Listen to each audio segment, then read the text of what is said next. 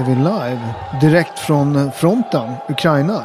Kenneth, Hej, hur står det till? tackar som frågar. Det ser rätt så ljust ut för framtiden. Ja, men det, det, det, jag tänkte att vi ska prata om det. Du har ju kommit ut med en bok, det ska vi också prata om. Eh, och det är jättespännande nu, liksom. det är skönt för oss eh, att ha liksom, en utsänd vid fronten eh, som kan rapportera. Jag följer dig på, på Twitter som inte du visste om att det finns. Det är någon som lägger ut dina, dina, dina Okej. de tar från Facebook och lägger ut. Så jag följer det faktiskt på, jag följer det på Facebook så- också. Så, så att eh, man kan följa dig på Facebook. Var hittar man dig där? Eh, Det är på kenneth.greg Ja, 940. precis. Eh, och sen så på Twitter kommer jag inte ihåg, det är någon som lägger ut, jag, jag följer dig där. Eh, men, men jag tycker vi börjar, för det är ju det alla pratar om, vad händer vid fronten? Det har ju varit, det, det har ju varit den här tystnaden att, att eh, eh, det har varit väldigt tyst från Ukrainas sida. Eh, för det, Ja, och, och det är på både gott och ont. Mm. Eh, Gott naturligtvis att man inte två timmar efter man har gjort någonting går ut på telegramkanalen och meddelar. Men den här eh, långa tystnaden så har också en negativ inverkan. Och det är då att folk vill ju alltid veta. Och då söker man på internet och kommer naturligtvis på de ryska militärbloggarna. Och där är det fullt av fake-nyheter. Ja, men senast igår var jag inne och tittade lite och det, det känns ju, ni, det, ni har ju varit väldigt skickliga i Ukraina på liksom både eh, informera, ni har varit väldigt duktiga på att liksom filma från fronten. Det är ju första kriget liksom man verkligen får följa eh, folk som springer mot gevärseld. Det, det både, både fascinerande och rätt skrämmande och, och man märker modet och motivationen kring dem. Och sen så tystnar den här, ni, ni är också väldigt roliga ofta. Den här traktorgrejen har jag tyckt är så rolig den här med när ni tar ryska tanks och så boxerar med traktorer. hur, var det, hur började den? Det var väl någon som, det var någon, det var någon bonde som tog någon övergiven tanks va? Ja, och eh, sen spred ju sig från by till by. Och i många fall så steg ju den besättningen ut ur sina tanks och bara började promenera mot eh, gränsen. Ja. Och bara lämna och så tänkte, tänkte bönderna, jävlar här kan man få lite, finns det lite metall man kan liksom använda. Fick man något pant för dem där eller hur var det där? Eh, jag tror armén faktiskt gav 300 000 dollar för dem. För en tanks? För en tanks. Den kostar normalt en och en halv miljon. Okej, ja, men då fattar man helt plötsligt de här glada bönderna. För det var ju väldigt roliga bilder med tanks som var boxerade av traktorer liksom från fronten. Det, var- det, var, liksom det, det var det första man liksom förstod hur genialiska Ukraina var rent i det här propagandakriget som ni hittills har vunnit. Ja, det måste man säga. Det måste man faktiskt säga. Men, nu- men nu, nu har det varit tyst och då har de varit rätt skickliga att ta ba- tillbaka lite terräng, eh, terräng måste jag säga, rent alltså eh, mediamässigt. Hur är det med de här, eh, jag läste, är, har ni blivit av med några leopardtanks igår eller förrgår? Hur var det där? Ja, det här är väldigt eh, komiskt. Mm. För de här eh, fordonen, det är ju gjorda för krig. Mm. Och de ska användas i krig. Mm. Och i en offensiv så kommer du ju alltid att förlora material. Eh, vi kommer att ha 50-60 procents förluster innan hela det här offensiven är över med material. Men de tankar, eller tanksen som har blivit träffade har inte blivit helt utslagna. Utan de har blivit övergivna och som bäst då så evakueras det för att bygga eller för att repareras. Ja, För jag förstod att besättningarna varit inte utslagna, stämmer det eller? Stämmer. För, för att ryssarna liksom, det var ju stora, titta nu har de leopardtanks och tittar vi Ryssland har slagit ut dem och hit och dit. Men, men det visar ju sig egentligen då den överlägsna standarden på västerländsk teknologi att de, de, de vart utslagna men, men de skyddade soldaterna i. Ja. Som jag förstod så har det varit en tre eller fyra av besättningen på totalt som har träffats eh, små skador. Okej. Så, så alla överlevde, det så? Alla överlevde, ja. Och då återstår den, den viktiga frågan, hur går offensiven? den går faktiskt bra.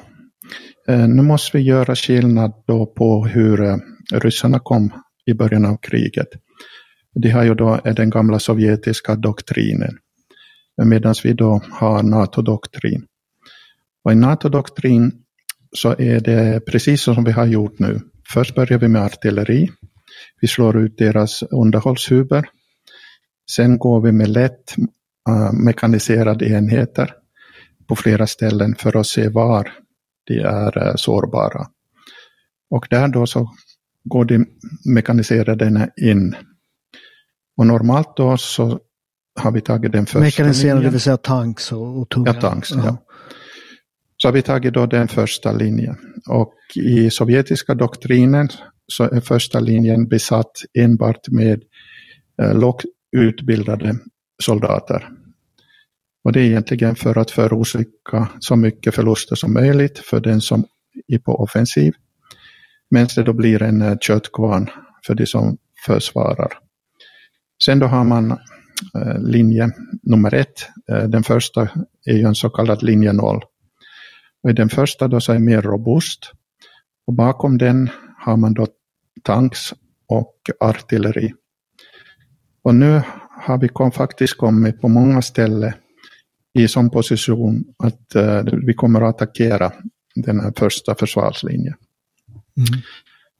Och uh, vi kommer då göra en Så ni har, ni har brutit igenom uh, kanonmaten? Ja. Och nu samlas då, mm, eller regrupperar eh, trupperna och vi försöker få en spjutspets som är full av energi och går rakt igen. Och efter det kommer reserverna och sprider ut sig. Ready to pop the question? The jewelers at BlueNile.com have got sparkle down to a science with beautiful lab-grown diamonds worthy of your most brilliant moments. Their lab-grown diamonds are independently graded and guaranteed identical to natural diamonds, and they're ready to ship to your door. Go to Bluenile.com and use promo code LISTEN to get $50 off your purchase of $500 or more. That's code LISTEN at Bluenile.com for $50 off. Bluenile.com code LISTEN.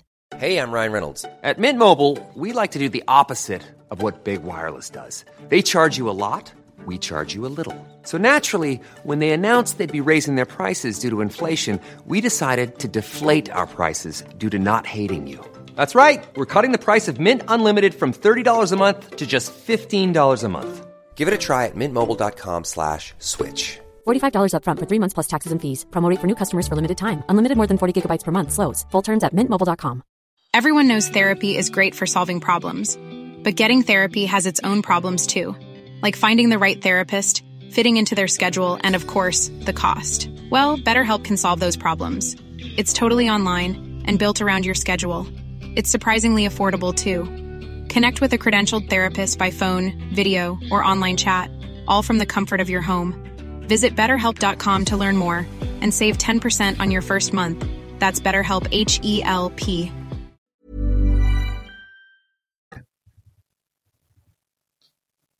Men, men, man ställer sig frågan med motivationen med de ryska trupperna. Du måste ju veta den här doktrinen. Alltså känslan att hamna längst fram där. Att man har ju, har ju sett, eh, jag har ju sett rätt mycket, deras utrustning är ju liksom, man har sett hjälmar som är i princip bara plåt och alltså det är väldigt dålig utrustning. De är inte skyddade, eh, de har eh, dåliga vapen, alltså de, de är kanonmat. Hur motiverar man folk att att lägga sig där i första linjen. Ja, man blir väl tagen, eh, shanghajad, satt ja. in i armén och sen satt i de här positionerna. Och orden är det att kommer du tillbaka, då skjuter linje 1 ihjäl dig. Så de har inga val. Men hur länge tror du att man kan upprätthålla liksom ordningen i de ryska leden? Hur länge är folk beredda, liksom, för någonstans måste det tippa över. Folk som blir tvingade fram eh, och känner att det här, jag har inte en chans här. Eh, och moralen då, och också det liksom att skjuta folk som är på väg åt fel håll. Det har ju hänt i alla krig. Men, men, men när är det liksom ration, att, att det vill säga de som blir, att det blir för stor liksom, mängd av soldater som känner att vänta nu, jag kommer dö här. När tror du det? det har jag sett. Eh, vi har ju sett att det ger sig. Eh, du behöver inte mycket beskjutning innan, innan det kommer meddelar att uh, skjut inte, vi vill bli fångar. Och många av de här är faktiskt klädda i uh, länkskor eller joggingskor, mm. uh, träningsbyxor och vanliga pullovers. Inte ens uniform. Nej. För, för man, man, man, tycker återigen det, det, det är hemskt vad de har gjort mot er och, och framförallt hur de skjuter mot de civila och, och sånt där. Men det finns ju också på andra sidan de här stackars ryska soldaterna eh, som, som är dittvingade. Att, att, inte, att inte på något sätt i Ryssland börjar hända saker, mammor som eh, får sina barn dödade. Liksom, att man någonstans med de här enorma förlustsiffrorna de har det, finns, det figurerar lite olika siffror där. Vad, vad, hur många tror, vad tror du de har för förluster? Vi ligger på en 220 000. Mm. Och uh, ska vi säga, där har skett en förändring. Och det är att den ryska uh, frihetslegionen och den ryska volontärkåren, det börjar få mer och mer frivilliga nu, i, i, även i Ryssland. Det är så? Ja då. Och, och sen har vi ju då Wagner som i stor uh, intern stridighet med försvarsministeriet. Ja, men det har jag också läst att, att det är fejdar. Hur, hur, det känns och den verkar öppen också, fejden. Att den liksom är för öppen ridå, att det liksom inte är dolt, utan, utan de säger saker. Ja, och uh, Wagner säger i princip 80 procent sant. Det har ju gett uh, uttalande om att vi attackerar. De har ingenting att sätta emot. De har stora förluster och de förluster som eh, rapporteras att Ukraina har, det är totalt överdrivna. För att i slutändan så måste ju också, för att genomföra ett krig så måste man ju också ha eh, civilt stöd. Och det har, det, det man säger så här, det är Putin, men, men det har ju, kriget har haft ett stort stöd eh, i Ryssland, vad än folk vill säga. Men när tror du det här stödet kommer vända? Det har egentligen börjat vända. Mm. Nu är bara frågan det när tar det eh, mod till sig och går ut på gatorna. Men om förlusterna fortsätter så här för dem så är det inom en månad börjar det ske saker. Du tror det? Ja. Hur, hur, ni har ju tagit förbi, förbi då och börjat attackera första ledet. Ni vill in, har ni fyra spjutspetsar, stämmer det? Vad jag har sett. Ja, vi kan inte kalla dem spjutspetsar för vi använder en tredjedel av de resurser vi har just mm. nu. Ehm, mm. Stora anfallet kommer att komma på ett ställe. Och det är då att bryta igenom. Ehm, sen att du har fri lejd att gå norrut och söder. Därför att de här robusta försvarsställningarna, de ligger på så vis eh, mot fronten Mm. Och kan du då ta dem på sidan eller bakifrån, då är det inte robusta mer. Nej. Ja, men för det är väl det som hände med, med Margin, vad hette den, den franska försvarslinjen under andra världskriget som tyskarna bara, bara körde runt. Man, ja. hade byggt, man hade byggt den för liksom första världskriget och sen så bara körde ryssarna, eller tyskarna genom skogen bara där man inte trodde de skulle komma. Så, så, så, så att eh, det är som du säger, försvarslinjer är inte alltid, de går ju att köra runt liksom. Ja, det som är mera intressant är vad som sker i Bachmutområdet. Mm. För där har ju ryssarna inga försvarsställningar överhuvudtaget. Och vi har enorma trupper där. Men det är bara lätt infanteri som opererar för tillfället. Så nu var så vad som rent taktiskt vad som händer nu det är att ni håller på med lite nålstick för att titta var det finns hål i den ryska försvarslinjen. Och där kommer den här stora, det är bara en tredjedel än så länge och sen så när ni känner att här, här går det liksom att trycka på och då trycker ni på för fullt där. Det gör vi och då vet alla att vi har börjat. Så det här är när de säger att vår offensiven har börjat, eller sommaroffensiven, eh, så är det här egentligen inte den stora. Nej, det här är början. Okej. Okay. När tror du vi får se? Jag tror faktiskt att det är inte många dagar bort. För eh, där vi har gått som längst igenom, där har vi nu stannat upp. Mm. Och vi har börjat 40, mm, eh, eller mm, vad heter det nu på svenska, man har helt enkelt börjat förstärka avstampslinjerna och eh, mera trupper är på väg in. Och vi har sju kilometer till um, den robusta linjen. Hur mycket vet ni om, hur mycket information, för där har ju också Ukraina varit överlägsen med hjälp av väst. Eh, med, med vad, vad, ni måste ju kunna liksom med satelliter och det se exakt var de starka liksom, positionerna finns. Hur mycket vet ni vad det finns för trupp och, och hur starka de är, vad de har för beväpning? Nu har ju inte ryssarna satt in i princip nytt folk på ett par månader. Eh, vi vet vad de har för eh, vapen. Mm. Vi vet vad det är för eh, brigader och bataljoner och var de är placerade. Vad vi inte vet är vad de är som psykiskt mest sårbara. Nej.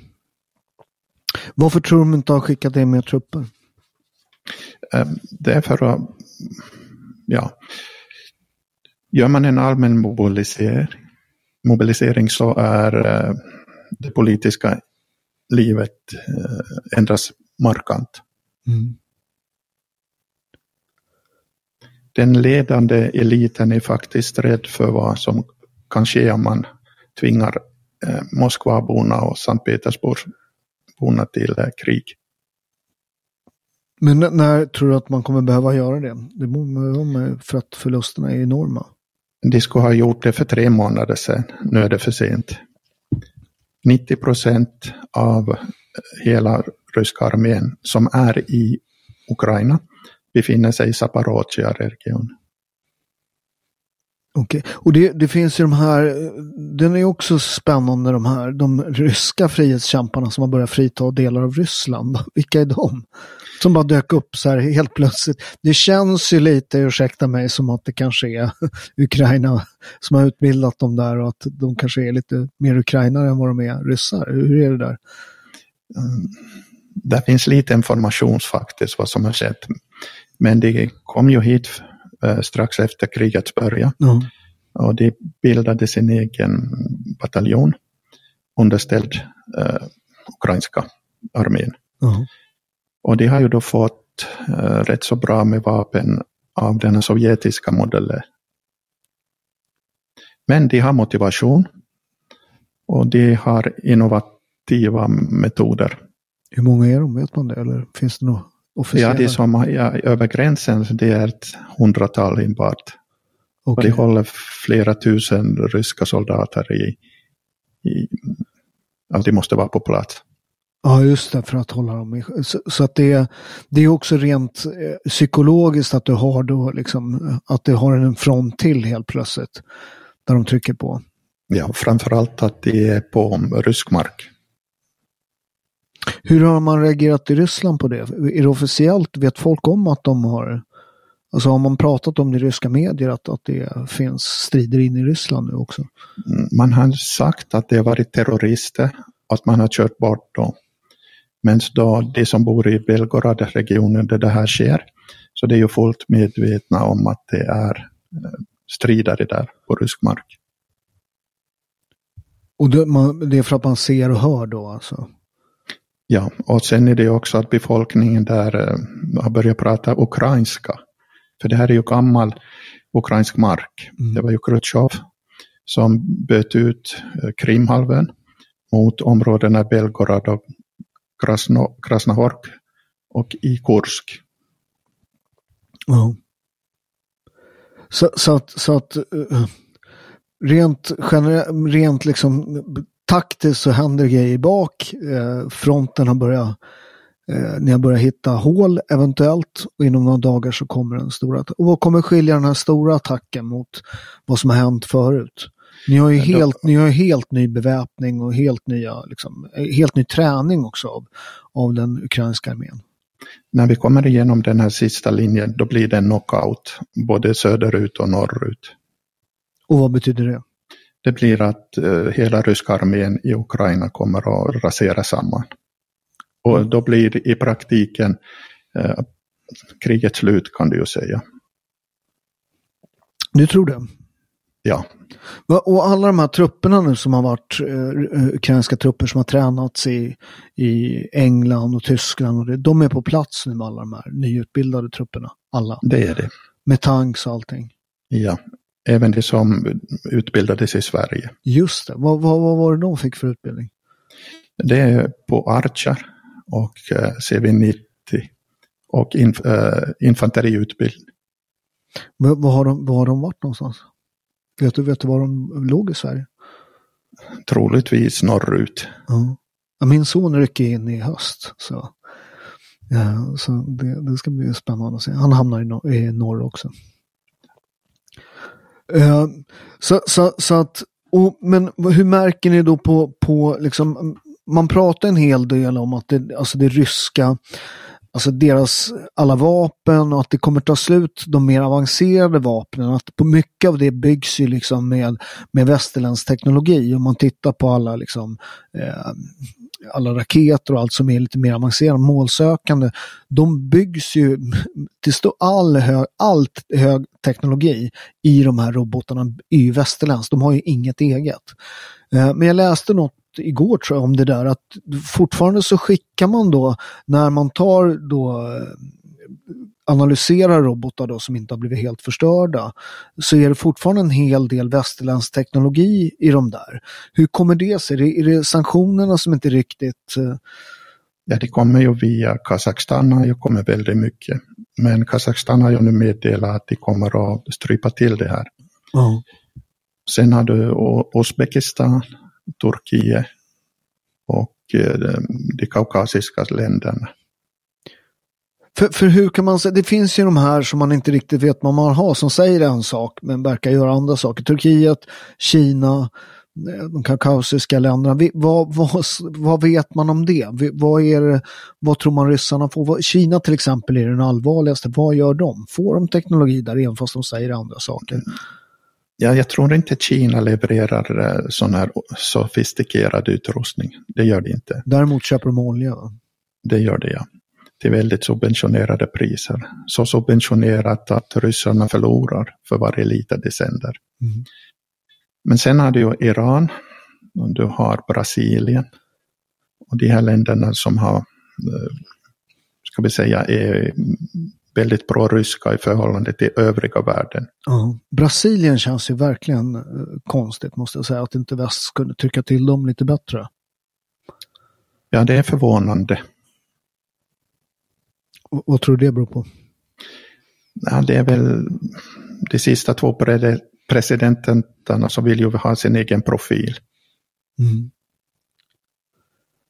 Och det som är väldigt konstigt eh, också hemma, är ju det att folk faktiskt tror att det här är som Sovjetunionen. Eh, I Sovjetunionen så kunde ju du inte få en diktator, diktator som Putin är nu. Man hade ju i alla fall politbyrån som ja. reglerade där. Eh, Putin slog ju bort den och han är ju kejsare där. Och då att våra ska vi säga, kommunister som då har ärendet mot USA. Eh, det är ju faktiskt det som sker i Ryssland är ju det vad de kämpar emot under kalla kriget. Mm. Jag tror problemet med Putin också när det blir, när det blir, om man tittar på Mussolini till exempel, med de här envåldshärskarna. Ju mer de börjar rensa upp, ju mer de liksom får för mycket makt, när alla nej-sägare försvinner. Eh, så det, alltså det, det är helt omöjligt att styra ett land och speciellt under krig om du inte har kritiker som säger att det där funkar inte. Italien gör ju otroliga misstag jag menar, när man gör när man liksom attackerar Etiopien och allt det här. Jag menar, hela italienska, italienska armén säger nej, det, det går inte. Vi, vi, vi, har, vi strider flera andra ställen, det här går inte. Men Mussolini, eh, Mussolini trycker igenom det för det finns liksom inget motstånd. Liksom, rent politiskt. Hur mycket, tro, hur mycket av de här besluten som verkar helt galna. Speciellt i inledningsskedet när de, när de bara åkte rakt in och bara stod i en konvoj och bara blev sönderbombade. Hur mycket tror du att, att han var varnad? Och hur mycket fattade de själva ryssarna att det här att det skulle bli hårdare motstånd än vad, vad man trodde? Jag tror att det var underrättelsetjänsten som inte vill informera någonting negativt till Putin. Armén visste ju det här. Det är ju många som har sagt av de här eh, avhoppade officerarna att man av, eh, försökte avråda Putin att attackera. Men hur mycket visste ni? Alltså jag måste säga att man, du, du vet det här som man alltid sagt i Sverige att så här, om ryssen attackerar så är det en vecka så är det slut liksom med vår lilla armé. Nu visade det sig att det, hur mycket fattade ni hur illa det var med den ryska armén? Jag visste ju det redan för flera år sedan. Att det här är, ska vi säga efter att DDR föll samman. Uh, och det här var faktiskt samma doktrin. Och vi hade ju sett vad vi har på armémässorna, eller utställningarna, vad vi har för vapen, vad vi utvecklar för vapen, Mm. hur folket var västerländskt sinnat. Och motiveringen att aldrig mera bli en rysk slav.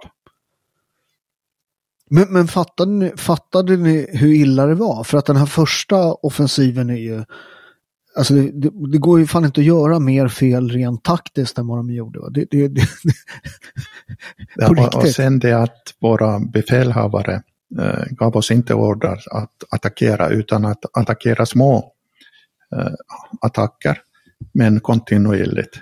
Så vi slog ut konvojerna långt innan den ens kom till Kiev.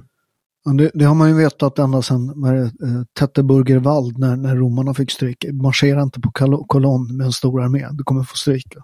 Mm. Eh, så det, men vad, vad, och, det tog ju lång tid innan de liksom tog sig ur, alltså det verkar som de fick, fick en chock, ryssarna, och var kvar alldeles för länge i den här konvojen nu, utan att sprida. Vad tror du det berodde på? Men du kunde ju inte vända om, för terrängen utanför vägarna Ja. var ju gyttjebad. Jo, men vända går ju ändå om man börjar från början. Och, Ja, men det var ju det att du hade tanks, Ja. eh, underhållsbilar, ja. manskapsbilar, huller om buller. Och den var ju sex mil lång. Ja. Shit vilken tabbe. Ja. Och det där ska ni vara rätt glada för. Det kanske hade sett ut på ett annat sätt om de hade attackerat i en annan årstid. Eh, när man, jag menar, bara en sån grej att det måste man ju ha fattat. Att just när, när terrängen inte går att köra förutom vägarna, att, att liksom det är fel årstid. Det är inte det nummer ett när man gör en attack. Va? Det har man ju vetat ända sedan antiken. Att liksom, Stämmer. Men vi har den här doktrinen. Och den ryska doktrinen kan i princip förklaras som så att när du har en luftballong ja. och du vill spräcka den. Endera gör du det med nålstick eller så börjar du trycka med hela din kropp för att platta ut den och sen sprängs den. Och det är ju det här ryssarna gjorde. De kom ju på över en 1300 kilometers frontlinje. Ja, fast, fast på led. Det är rätt korkat måste jag säga. Inte för att jag är någon strategisk expert, men, men, men, men det känns ju... Någon måste ju liksom... Fanns det ingen som... Vet du, det måste ha funnits någon som sa vänta nu. Det här kanske inte är jättebra. Vissa av försvarsministeriets tjänstemän sa ju det. Ja, det kommer fram nu senare. Men det fick ju gå. Hey, I'm Ryan Reynolds. Recently, I asked Mint Mobile's legal team if big wireless companies are allowed to raise prices due to inflation. They said yes. And then when I asked if raising prices technically violates those onerous two year contracts, they said, What the f are you talking about, you insane Hollywood ass? F- So to recap, we're cutting the price of Mint Unlimited from $30 a month to just $15 a month. Give it a try at mintmobile.com slash switch. $45 upfront for three months plus taxes and fees. Promo for new customers for limited time. Unlimited more than 40 gigabytes per month. Slows. Full terms at mintmobile.com. Hiring for your small business? If you're not looking for professionals on LinkedIn, you're looking in the wrong place. That's like looking for your car keys in a fish tank. LinkedIn helps you hire professionals you can't find anywhere else, even those who aren't actively searching for a new job but might be open to the perfect role. In a given month, over 70% of LinkedIn users don't even visit other leading job sites. So start looking in the right place. With LinkedIn, you can hire professionals like a professional. Post your free job on linkedin.com slash people today. För det, det finns ju stora likheter, vi pratade ju om det sist, det finns ju stora likheter med det finska vinterkriget. När de gjorde samma, det är ju rätt likt liksom hur de kör in med massvis med folk och, och kör fast liksom. Vad, vad, vad, vad, vad, är, vad är det för lärdomar man kan dra av det finska vinterkriget? Var ni... Det är ju det att, att man ska använda den här doktrinen som, som vi nu använder. Eh, Framförallt när du försvarar. Det är att försöka få en konvoj i så kallad motti. Det vill säga i mindre eh, grupper som är avskärmade från varandra och sen förstör man en efter en. Sen är ju det att eh, när du anfaller så måste du vara, ha innovativa tänkande. Göra dina egna vapen eller förbättra de vapen som finns. Och det skedde ju för vår del. Här i Ukraina så var det ju dronerna som vi började väldigt tidigt bygga om. Ja, det var väl ett gäng såna här, de här första, det var ju ett gäng så här lite, eller rätt unga som är med någon, eller hur, med några fyrhjulingar som åker ut och bara släpper och lyckas stoppa det här, stämmer det? Vilke, vilke, det, det där kommer ju bli en Hollywoodfilm om de där, 100 procent. Eh, ja. Ber, Ja, berätta om det gänget. Ja, det var ju sådana här som vi kallar nördar.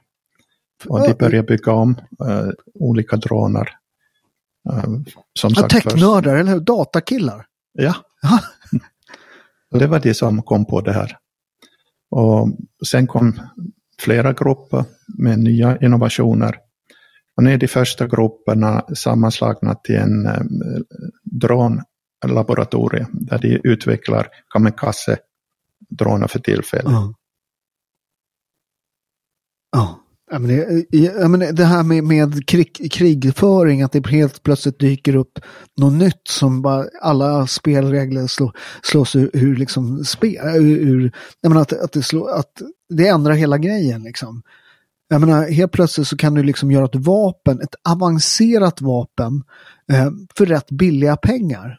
Och helt plötsligt bara förändrar det hela scenariot. Va? Ja, framförallt att det även nu idag kan slå ut eh, till 72 eller tanksen på, som ryssarna har. Vad beror det på? Att de, är det så att de, de har ammunitionsförrådet i, i eh, tornet, stämmer det?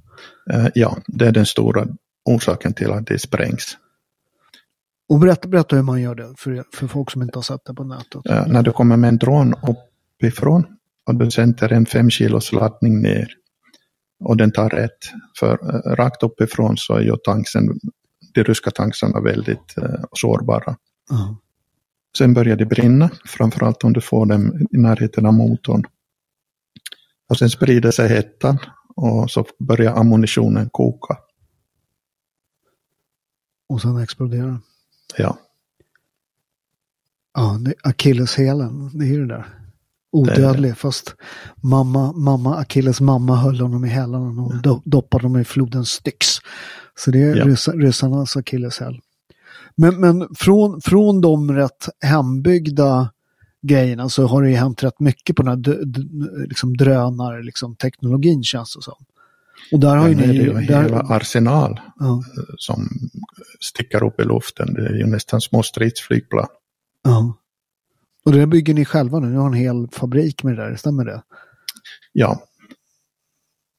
Och sen har vi ju de här eh, Marvik 3 och Marvik Terminal som vi byter eh, software på. Så Ja. att det inte kan tas ner med elektronisk krigföring.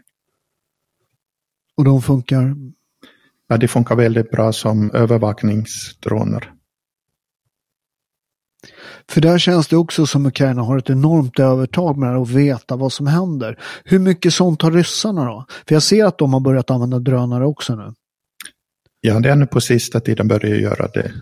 Men i det här kriget är det att den som uppfattar situationen snabbast och agerar snabbast, det har momentum.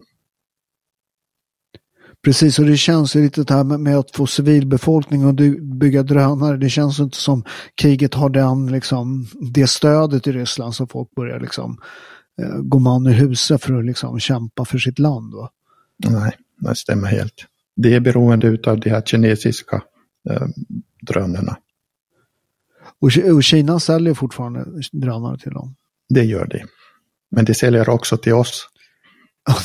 De säljer till alla. Det är som om blir rik. Fråga Sverige som inte var med i andra världskriget. Vi sålde Malmö och blev rika. Du har ju skrivit en bok. Eh, och, där, och det ska vi också, ah, din del av vinsten går helt till, till folk som är skadade i kriget. Eh, den, den heter, vad heter boken? Uppdateringar från Ukraina. Uppdateringar från Ukraina. Uh, och det, det, går ju till och krigsinvalider och folk som är skadade i kriget. Hur, hur mycket sånt har det måste vara? Uh, vi beräknar att innan det här kriget slut så har vi mellan 100 000 och 150 000 krigsinvalider. Uh. Och vad är de Om man då vanliga? jämför med Finland uh, under vinterkriget och fortsättningskriget så hade vi 100 000. Ja. Hur, hur påverkade det Finland? Vet du? Um, Finland kom ju väldigt snabbt igång med rehabiliteringen. Och den fortsatte ju då ända tills den sista veteranen har avlidit. Ja. För oss så är det följande problem. När de största skadorna som kommer på våra soldater är splitterskador. Ja. Och där är många armar, ben som är amputeringsfara. Och staten har ju inte tillräckligt med för resurser. Så när man beräknar att man inte har råd att ha rehabilitering så amputerar man.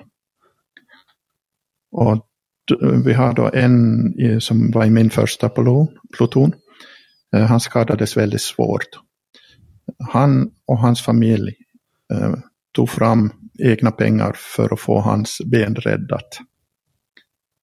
Så för oss är det väldigt nästa steg för oss är att få donationer. Sen intäkterna från boken. Som en Precis, vi tar, vi, vi, tar, vi, tar, vi tar det igen. Vad, vad, vad köper man boken? Det är på nongrata.shop.se. Mm. Och där, så att 100 procent av Kennets del går till, uh, går till rehabilitering av krigsskadade. Och, och, och det kommer att kosta enorma summor det här. Så att, och vad, om man vill donera pengar, vad gör man det någonstans?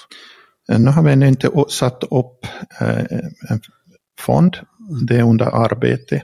Så det måste vi informera om lite senare.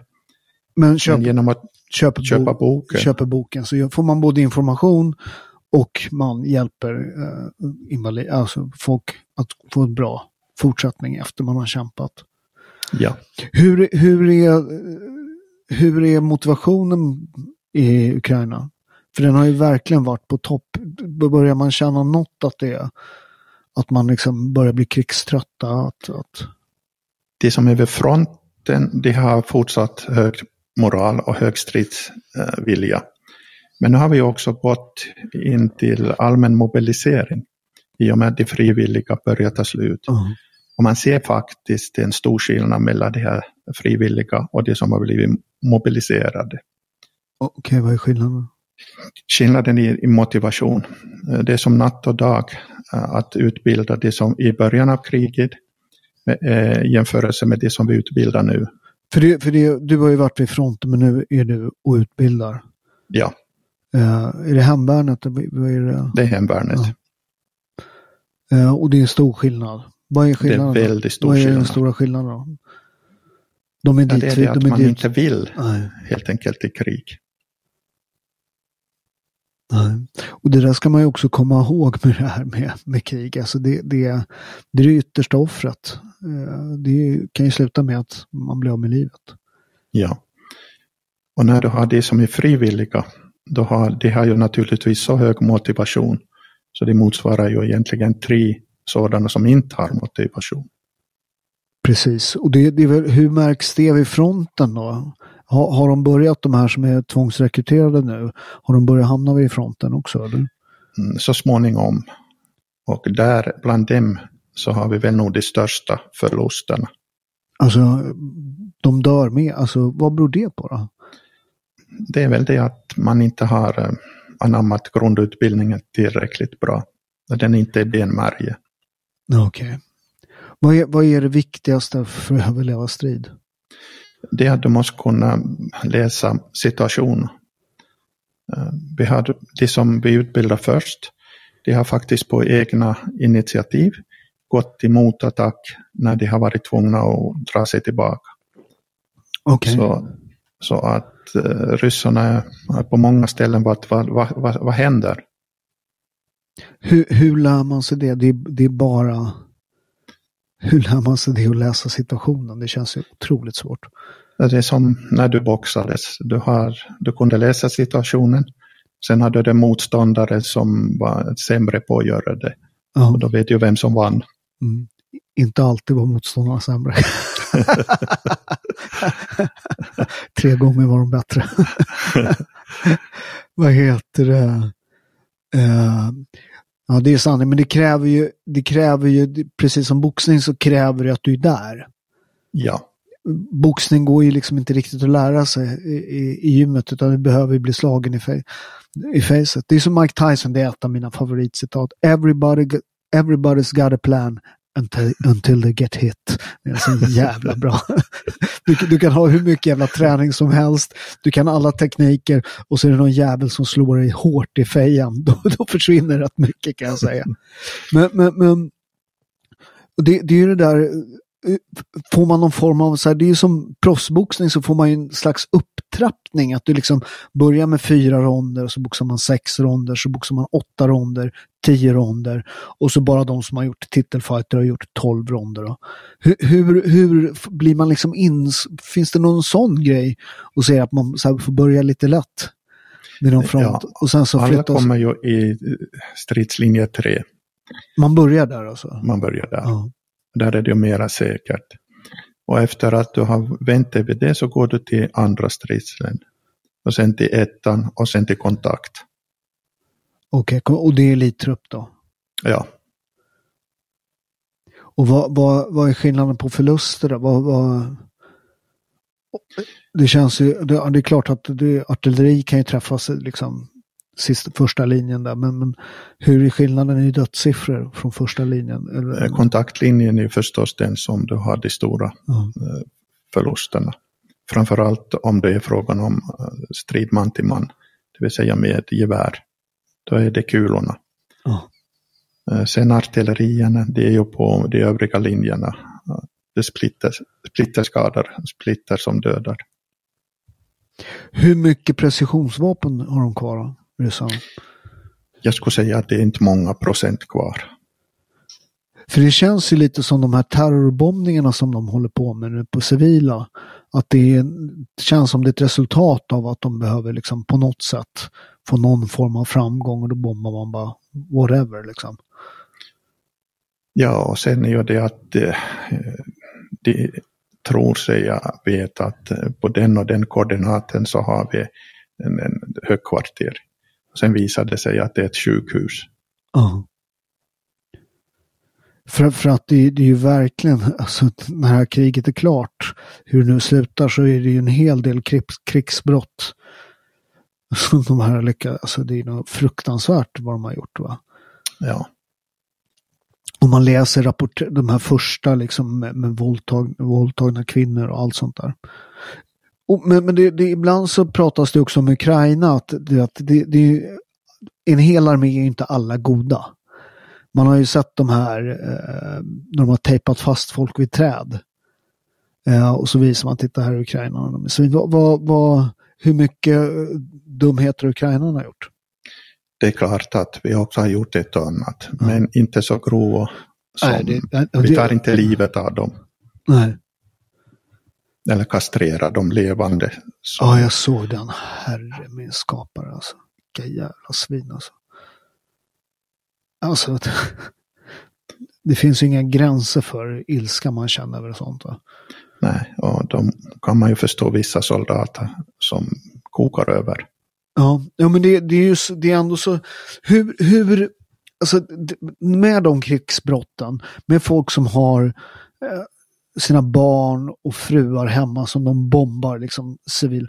Hur håller man tillbaka ilskan? För att jag har ju sett rätt mycket ukrainska filmer som också är naturligtvis också är propaganda, men det känns som att man, man behandlar krigsfångar väl efter Genèvekonventionen. Men hur håller man tillbaka den här ilskan? Alltså? Du ventilerar ju den med att skälla ut dem verbalt. Ja. Det, det görs väldigt mycket. Men vad säger, de, vad säger de då när ni skäller ut dem? Nej, det är ju egentligen många av dem är glada att de blivit tagna fångna. Så Men de behöver ju inte stå och sjunga nationalsången för att få mat. Nej, precis. Nej, men det, där känns det ju som Ukraina verkligen gör ett nummer av att man behandlar fångar väl. För att, för att det är väl också bra om man, om man då vill att folk ska kapitulera, att de känner att de inte blir kastrerade. Ja. Det gör väl kapitulations... Det är väl Sun Tzu som säger det. Den här 383 maximer om att segra och besegra. Han den kinesiska generalen som vinner hundra slag. Han säger att, att, att jag kommer inte exakt ihåg den, den max, han 383 maximer. Så alltså säger han om, om, om, du, om du omringar, en, jag kommer inte ihåg exakt, och alla vet att de ska dö i en armé, då kommer de slåss som aldrig förr. De kommer slåss som tio man. Men om du omringar dem och de vet att hundra kan fly, då kommer alla försöka fly. Så, så, att det här att vara superbrutal, kanske inte alltid, att man ger folk en chans att kapitulera kanske gör viljan att kapitulera desto större. Absolut, det gör det. Och vi har ju sett eh, videor på många ryska soldater som ber om sitt liv eh, via eh, när vi har um, drönarna på, på ovanför dem. Och sen leds de då med drönare till oh, ett ställe. Det. Ja. Ja. det sker kontinuerligt. Hur, hur mycket ryssare som kapitulerar, vad gör ni med dem? Det måste finnas stora läger med det här nu. Uh, först är det ju för uh, registrering. Det görs det ju i enheten som har tagit dem. Mm. Och sen förs det då till baklinjerna till um, SBU, alltså vår underrättelsetjänst, som då går igenom med dem deras situation. Man ser, eller går igenom deras eh, sociala medier för att se om de har gjort krigsbrott. Uh. Och efter det sätts de då på utbytningslista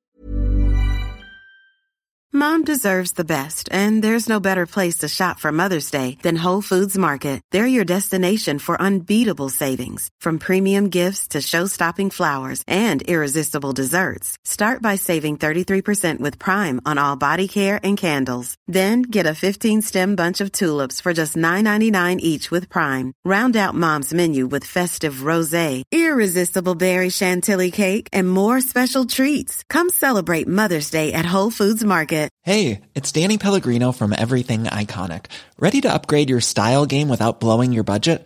Check out Quince. They've got all the good stuff shirts and polos, activewear, and fine leather goods, all at 50 to 80% less than other high end brands.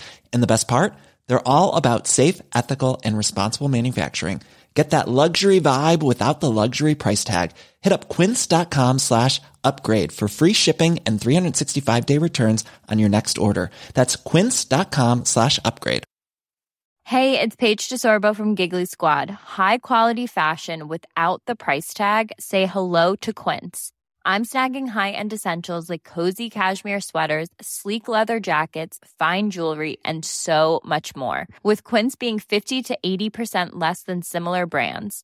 And they partner with factories that prioritize safe, ethical, and responsible manufacturing. I love that. Luxury quality within reach. Go to quince.com slash style to get free shipping and 365-day returns on your next order. quince.com slash style.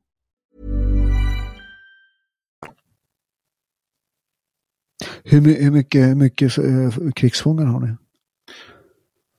Det är för tillfället flera tusen. Ja. Och hur många är ryssarna? Ryssarna har väl nog också en par tusen av de våra. Plus då alla de här som de har kidnappat, de här ja. civila människor. Vad hände med de här barnen som, som man hörde om i början som de kidnappade? Vissa har vi fått tillbaka, men största delen är helt försvunna. Det är helt sinnessjukt. Helt fruktansvärt. Va? Och sen vet ju inte vad som har hänt med barnen på ockuperade områden. Nej, precis. Finns det någon, någon information, någon, något man vet? Eller? Barnombudsmannen här pratar ju om en tiotusentals.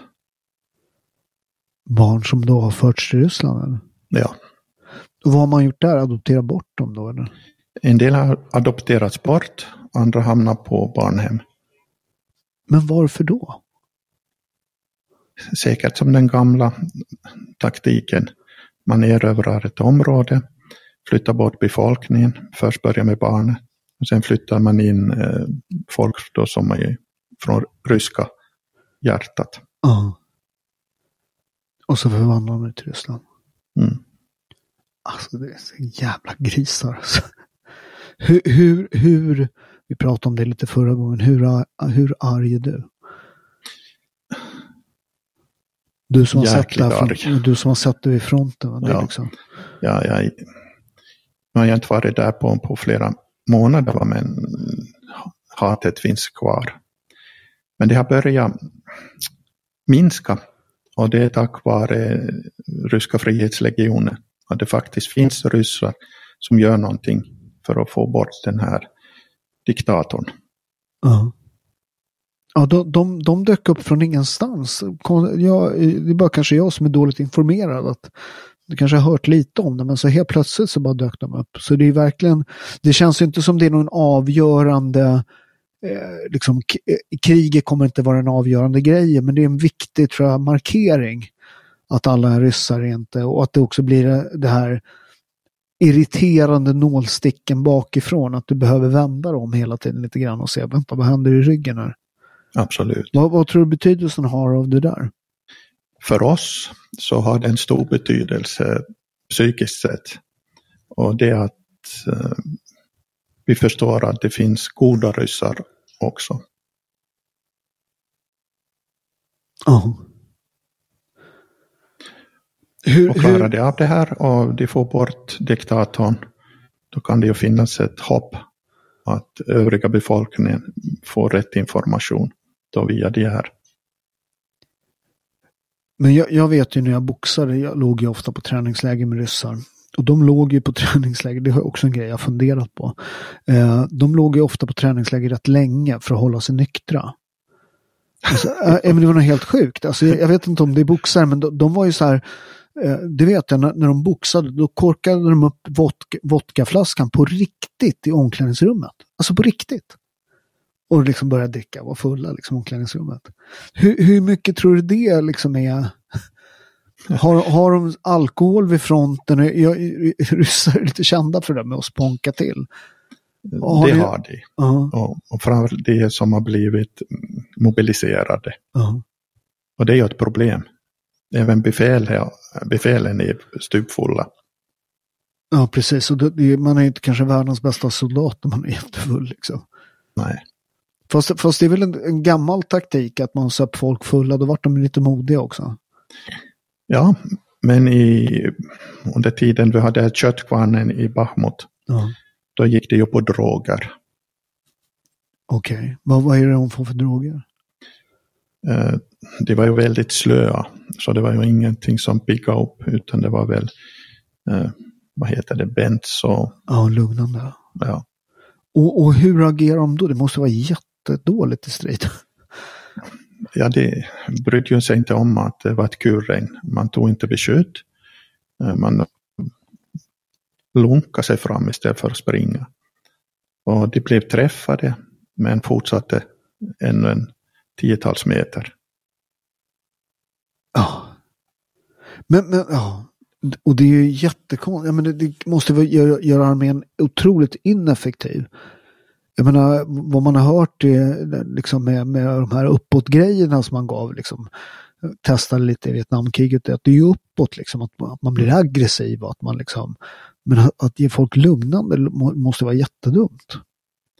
Ja, det, det är många då som blev tagna som fångna och det måste avgiftas ett par dygn innan det ens kunde börja svara på frågor. Men, men det, det, måste bli, jag menar, hade de fått det då den här, alltså de lugnande de fått av armén eller var det något de hade tagit med sig själva? Nej, troligtvis var det här av armén. Framförallt, det här var ju Wagners. Ja, just det. Men, men, men alltså om de, det låter ju som de blir otroligt ineffektiva om de, de, om de tar lugnande. Ja, därför såg du också den här köttkvarn. Ja. Hur tror, vad tror du de kommer sluta med för förluster ryssarna? Som det ser ut nu kommer det han mellan 350 000 400 000. Döda. döda och invalidiserade. Och när tror de får börja rekrytera från Moskva då? Ja, det, det, vi måste göra det redan. För övriga Ryssland är tömt då på... eh, Ja, de tog ju först eh, folk från de här fattiga regionerna. Ja. Och där hade ju byar som förlorade en tredjedel av sin befolkning. Vet man något hur stämningen är där? Det måste liksom att inte det sprids mer i Ryssland. Att det liksom, det måste, måste, folk måste vara skitförbannade. Ja, nu börjar det ju ske ett och annat eftersom familjerna som har förlorat sina söner, de får biobiljetter som ersättning. Ja. Det är ju en förolämpning. Jag menar, skulle jag bli av med min son och få en biobiljett skulle jag liksom... Skulle man ju fan åka dit och mörda folk. Va? Ja. Men vi hade en vän här i Kiev som tidigare var arméutbildare i Sovjetunionen. Mm. Han var just i de här fattigare eh, områdena. Och det som var utmärkande, det var att man trodde på allt vad borg, borgmästaren sa. Inte på de lägre officerarna, men borgmästaren var liksom en gud. Ja. Och det sitter väl i. Ja, men, men någonstans måste ju folk liksom, om de säger en sak och så någonstans måste det ju liksom förtroendet för allt raseras. I en normal land, ja, Men inte Ryssland. inte än. Men det känns ju, jag menar, de har hållit på med den här revolutionen, liksom omvandlingen från Sovjet, från liksom när muren faller 89 och, och sen så följer Ryssland med 90 där. Så, så det känns ju, det är ju väldigt lång tid liksom. Det dyker ju, vad tror du om nu Putin försvinner? Vad kommer istället? Och, och för att Boris Jeltsin är ju är rena rama sagofröken jämförelsevis med, med vad som kom efter honom. Ja. Eh, Vad som sker är troligtvis att eh, du kommer att få flera små eh, republiker. Du tror det kommer splittras? Det, det kommer att splittras. Om du ser på krigsskadeståndet som kom, de måste betala nu efter dammen blev sprängd. Mm. Det, det klarar de aldrig av. Och innan ett skadestånd eh, har känts hos folk, då måste det ju tas från skatteinkomsten. Mm. Men i Ryssland tar du det från marken som eliten äger. Så för vanliga ryssen så känns inte den här skadeståndet som eventuellt måste betalas. Och vad betyder det? Ja, det betyder det att man bryr sig inte. Nej. Men eliten bryr sig, då, då kommer det ju... För de, vad, vad, tror du, vad tror du kommer hända med, med Putin? Kommer han bli mördad? Kommer liksom någonstans... Någonstans måste ju folk känna att vänta nu. Om det här, Det här- verkligen brakar samman som du säger om någon vecka. Vad, kommer hända, vad kommer hända då? Eh, Jag liknar det här Ryssland och hur den är uppbyggd nu med maffian. Du har Casa Nostra och sen har du eh, bossarnas boss. Ja. Och när bossarnas boss är borta, då börjar småbossarna strida om makten. Ja. Och det är väl börjat i den, framförallt då Prigozjin, eller kocken, Ja. har ju tagit stora mm, steg mot det. Och vilka är motståndarna tror du? Då? Det är ju då Shoigu och sen har du Medvedev och några till i den här mm, underrättelsetjänsten. Ja. Vem tror du vinner? Om det blir strid mellan små, små underbossarna. Om Mästerkocken kan hålla sin armé, då har, ska jag sätta en, en liten slant på han. Ja. Och vad tror du det kommer hända? Vad tror du relationen med väst kommer bli då? Nu har han ju gjort sig skyldig till krigsbrott Ja. så att men situationen kan ändras snabbt. Men, det, men det, han kommer ju inte komma undan det så, så att Nej. det, det finns ju liksom ingen reträttväg för honom liksom, gentemot väst. Hur, hur, hur ska väst agera om det dyker, om han blir mördad nu eh, och den byter ut? Vad, vad, vad, vad är Vad är det vettiga att göra då? Väst måste ju hålla upp trycket, eh, både politiskt, ekonomiskt och med militärt eh, engagemang i Ukraina. Ja. Och vad händer med Ukraina om det blir fritt? Ukraina kommer då att ha en eh, bra framtid. Vi har ju nu också samtidigt fått börja få bort de här oligarkerna och deras tentakler. Ja precis, ni har ju rensat upp där. Det har väl varit att ni har behövt ett stålbad för att få bort alla de där. Ja, För det var ju mycket diskussion i början. Jag skickar pengar till Ukraina, var kommer det hamna då? Och det var väl lite i början att en del grejer försvann ner i fickorna på... det gjorde det. Eh, Sen är det också de här gasleveranserna som man ju alltid satt lite extra på. Elproduktionen eller elpriserna och sånt, det har också satts extra på som Ja, de oligarkerna har fått. Men hur är det med det nu? Nu går det på tå. Ja. Eh, Non Grata gjorde ju en sån här reportage om korruptionen i lilla staden Brovary. Ja, just det. Och det tog sju helvete. Så, vi- så vi gör lite skillnad från Non Grata. Ja, de attackerar ju oss otroligt efter det. I Brovary medier. Ja. ja men, det är otroligt spännande veckor framför oss. Eh, eh, lycka till nu Kenneth. Och, Tack. och mina böner går verkligen till er varje, varje natt faktiskt. Jag tänker ofta på dig. Eh, Tusen tack. Eh, Så kämpa vidare. Eh, Slava Ukraina. Eh, In och köp boken nu alla. Eh, Ni vet att pengarna går till något väldigt bra. Eh, Och återigen, stort lycka till. Tack.